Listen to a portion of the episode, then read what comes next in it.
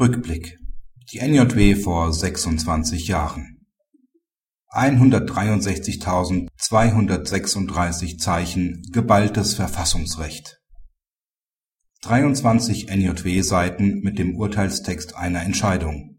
Das gibt es auch in der NJW nicht alle Tage.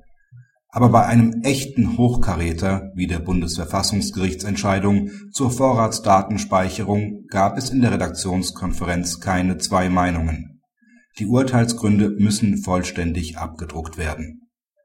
Damit Sie bei über 163.000 Zeichen nicht den Überblick verlieren, lohnt ein kurzer Blick in die NJW-Übersicht, die den Entscheidungsgründen vorangestellt ist.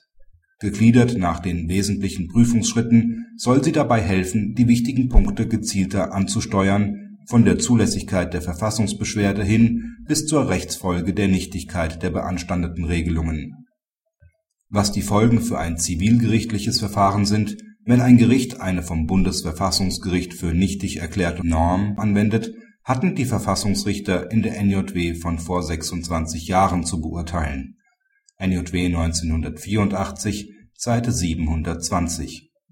Die Verfassungsrichter sehen in der Anwendung einer nichtigen Norm einen Verstoß gegen Artikel 2 Absatz 1 Grundgesetz beziehungsweise, soweit betroffen gegen speziellere Grundrechte. Diese wichtige Entscheidung füllt gerade mal eine NJW-Spalte aus.